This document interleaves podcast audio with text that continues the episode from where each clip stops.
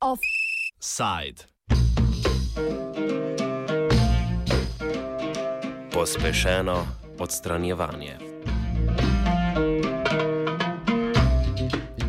Izraelska vlada je izglasovala zaprtje migranskega taborišča Holot v puščavi Negev blizu meje z Egiptom. V centru je nameščenih približno tisoč migrantov iz afriških držav. Te ima vlada namen deportirati v Ruando, s katero je domnevno dosegla dogovor o sprejemu migrantov v zameno za plačilo dobrih 4000 evrov po glavi. Izrael bo migrantom plačal letalsko karto in slabih 3000 evrov žepnine. V Izraelu sicer živi približno 40 tisoč migrantov iz Afrike, ki so tja večinoma prišli med letoma 2006 in 2012. Premijer Benjamin Netanjahu je naznanil, da izraelska azilna politika z zadnjo vladno odločitvijo odločitvijo vstopa v tretjo fazo, bistvo katere je opisal kot pospešeno odstranjevanje.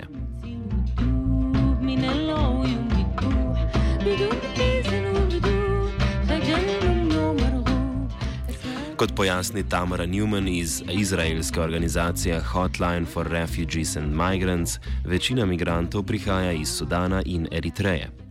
So the uh, refugees who are in Israel are predominantly from two countries. They're Sudan and Eritrea. Uh, the majority who are from Sudan, uh, there are about 8,000 of them, are from the Darfur region, where the genocide has been going on there since 2002. Um, and the majority are from uh, about 28,000 from Eritrea. Um, and Eritreans have been leaving uh, their country in very large numbers for many years now, escaping a very harsh dictatorship uh, there, which involves uh, no freedom of speech, no freedom of association, um, and most harsh is the uh, forced conscription into the army, which doesn't have an ending date, where effectively a lot of the population is in a sort of uh, slavery condition to the government. Um, and so those people have escaped, many of them either before serving in the army or left during their army service. Migranti so v Izrael v večjem številu začeli prihajati leta 2006, njihov prihod pa so pogojevale spremembe azilne politike v regiji.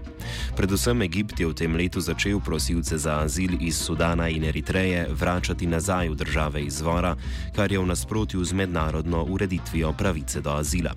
Več Newman. In 2006, uh, the first group of uh, Darfuris from Sudan came uh, on the border.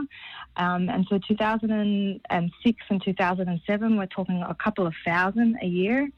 Um, and I think it was mostly a lot of a changed environment in Egypt. Uh, it became much worse for many of the Sudanese and Eritrean refugees in Egypt. Um, the Egyptian government started returning them to their to their countries, uh, which is against the very most basic premise of the international law re, re, um, regarding refugees is, is not to return someone back to their, their country of origin where they're in danger.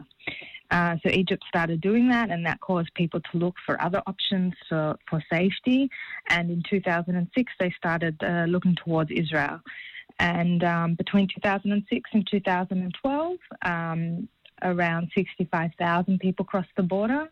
Um, uh, first more Sudanese and then later on uh, many more Eritreans. Izrael je na to leta 2012 migrantom zaprl vrata in na meji z Egiptom zgradil ograjo. Kot pojasni Newman, upad števila migrantov precej dobro sovpada z datumom zaključka gradnje ograje. Poleg tega pa se je več Afričanov v tem času podalo na pot proti Evropi. Refugees started arriving in Israel in 2006 and they finished arriving in 2012. There's a very clear date because the Israeli government built a fence along its border.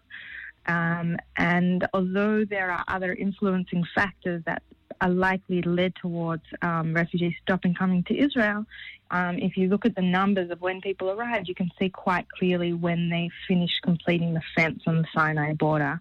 So yes, the, the fence was built, and that stopped a lot of people coming. and also it was highly influenced by the migratory route and uh, in Europe. So uh, there was a previous agreement between. Um, you know, to turn back boats to Italy, which was then overruled by the European Court. And when people saw that the route to Europe was open, more people opted for the very dangerous route of crossing the Mediterranean. Velik del od približno 40 tisoč migrantov si je nastanitev našel v južnem Tel Avivu. Taborišče Holod, ki ga izraelska vlada namerava zapreti in v katerem je trenutno zaprtih približno tisoč ljudi, služi kot zaporni center. Premeščanje migrantov van je eno izmed orodij izraelske vlade, s katerim vrši pritisk na migrante. Just to say about those thousand uh, people who are already in Hulot, it's not like they've been there since they crossed into Israel. Those people who have been here uh, probably have been here for five, six, seven years already, and they were actually summoned to go into detention. Um, so, as for where the rest of them are, uh, they're in various countries, various parts throughout the country. Um, the vast majority are in South Tel Aviv. Um, there's a reason for that. When they first crossed the border, many of them were arrested and put in detention. And when they were released from detention, they were not given any housing or shelter uh, whatsoever, and they were simply sent on a bus to Tel Aviv, which arrived to South Tel Aviv, and that's kind of been the neighbourhood that has absorbed um, the great number of this population, which has been very unfortunate because that it wasn't planned out um, in a way that could absorb people and actually be a, a positive for uh, society and the economy. Unfortunately, um, the government sent 65,000 homeless refugees to what was, is already a poor, uh, under resourced neighbourhood. And so that's actually been a lot of the source of tension.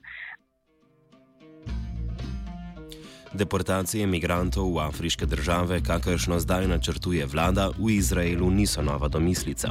Do zdaj je vlada izvajala tako imenovane prostovoljne izselitve v Ugando in Ruando, pri katerih so imigranti dobili plačano letalsko karto in nekaj tisoč evrov žepnine. V nasprotnem primeru pa jim je grozilo zaprtje v taborišče Holot.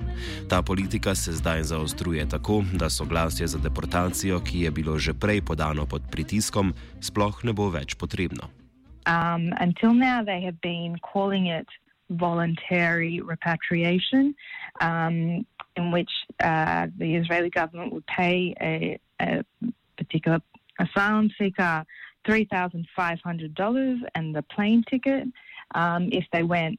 That was like the incentive. The disincentive was that they would be called to detention in this Holot detention center. And so the idea was to put you know, extreme pressure on people so that they actually went so-called voluntarily on their own. Um, the recent uh, court decision basically said, well, no, this is this is not voluntary deport, deportation. But if Rwanda agrees to take people non-voluntarily, uh, then people can be deported non-voluntarily. And so the government's just announced that they've changed the plans and they are going to be um, deporting people non-voluntarily. In reality, um, there is not a lot of description of how that's going to happen, um, and a lot of this is just you know the government really spreading a lot of fear um, into to the refugee community and, and really saying a lot of populist uh, things to to speak to their voter base. Vlada pod vodstvom premijeja Benjamina Netanjahuja svoje voljivce nagovarja s huiskaško retoriko. Migrante iz afriških držav naslavlja ne z begunci in ne z migranti, temveč z infiltratorji. Zven in zgodovinsko dimenzijo tega izraza v Izraelu pojasni Newman. The word infiltrator comes from the anti infiltration law. It was the government passed in 2012 after there became a lot of social tension when the refugees were arriving. There was a lack of policy. All these uh, homeless refugees were being sent to one neighborhood.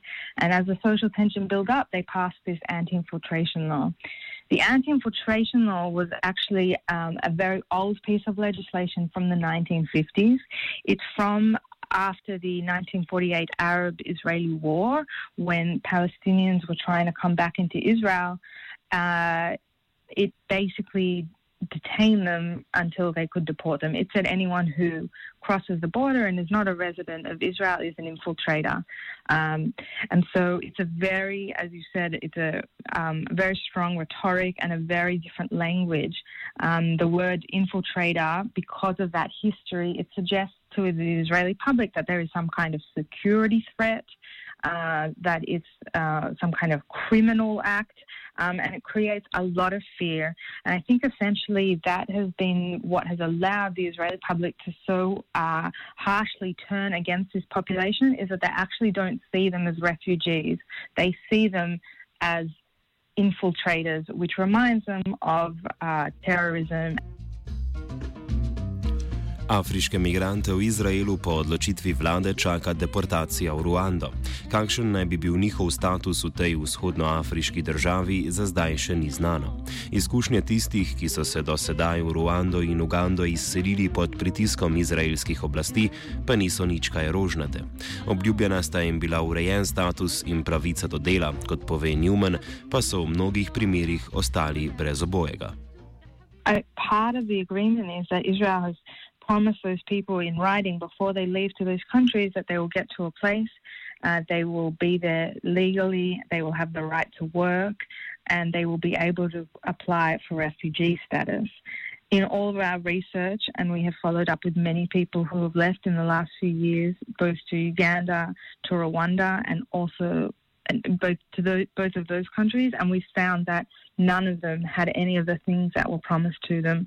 What they actually found was that they arrived there, they were uh, they had no visas. They were had no legal status. They were once again in a country illegally. In Rwanda, most of the time, they were told that the best thing for them would be to be smuggled across the border into Uganda. Then they entered another country again illegally, um, and many of them then ended up heading towards uh, Libya, trying to cross the Mediterranean on, onto Europe. Iskanje normalnega življenja z nadaljnim begom v Evropo pa Eritrejcem in Sudancem omejuje tudi Evropska unija, ki z državama sodeluje pri zapori migracijskih poti. Lani je Evropska unija Sudanu namenila več kot 200 milijonov evrov za pomoč pri omejevanju migracij.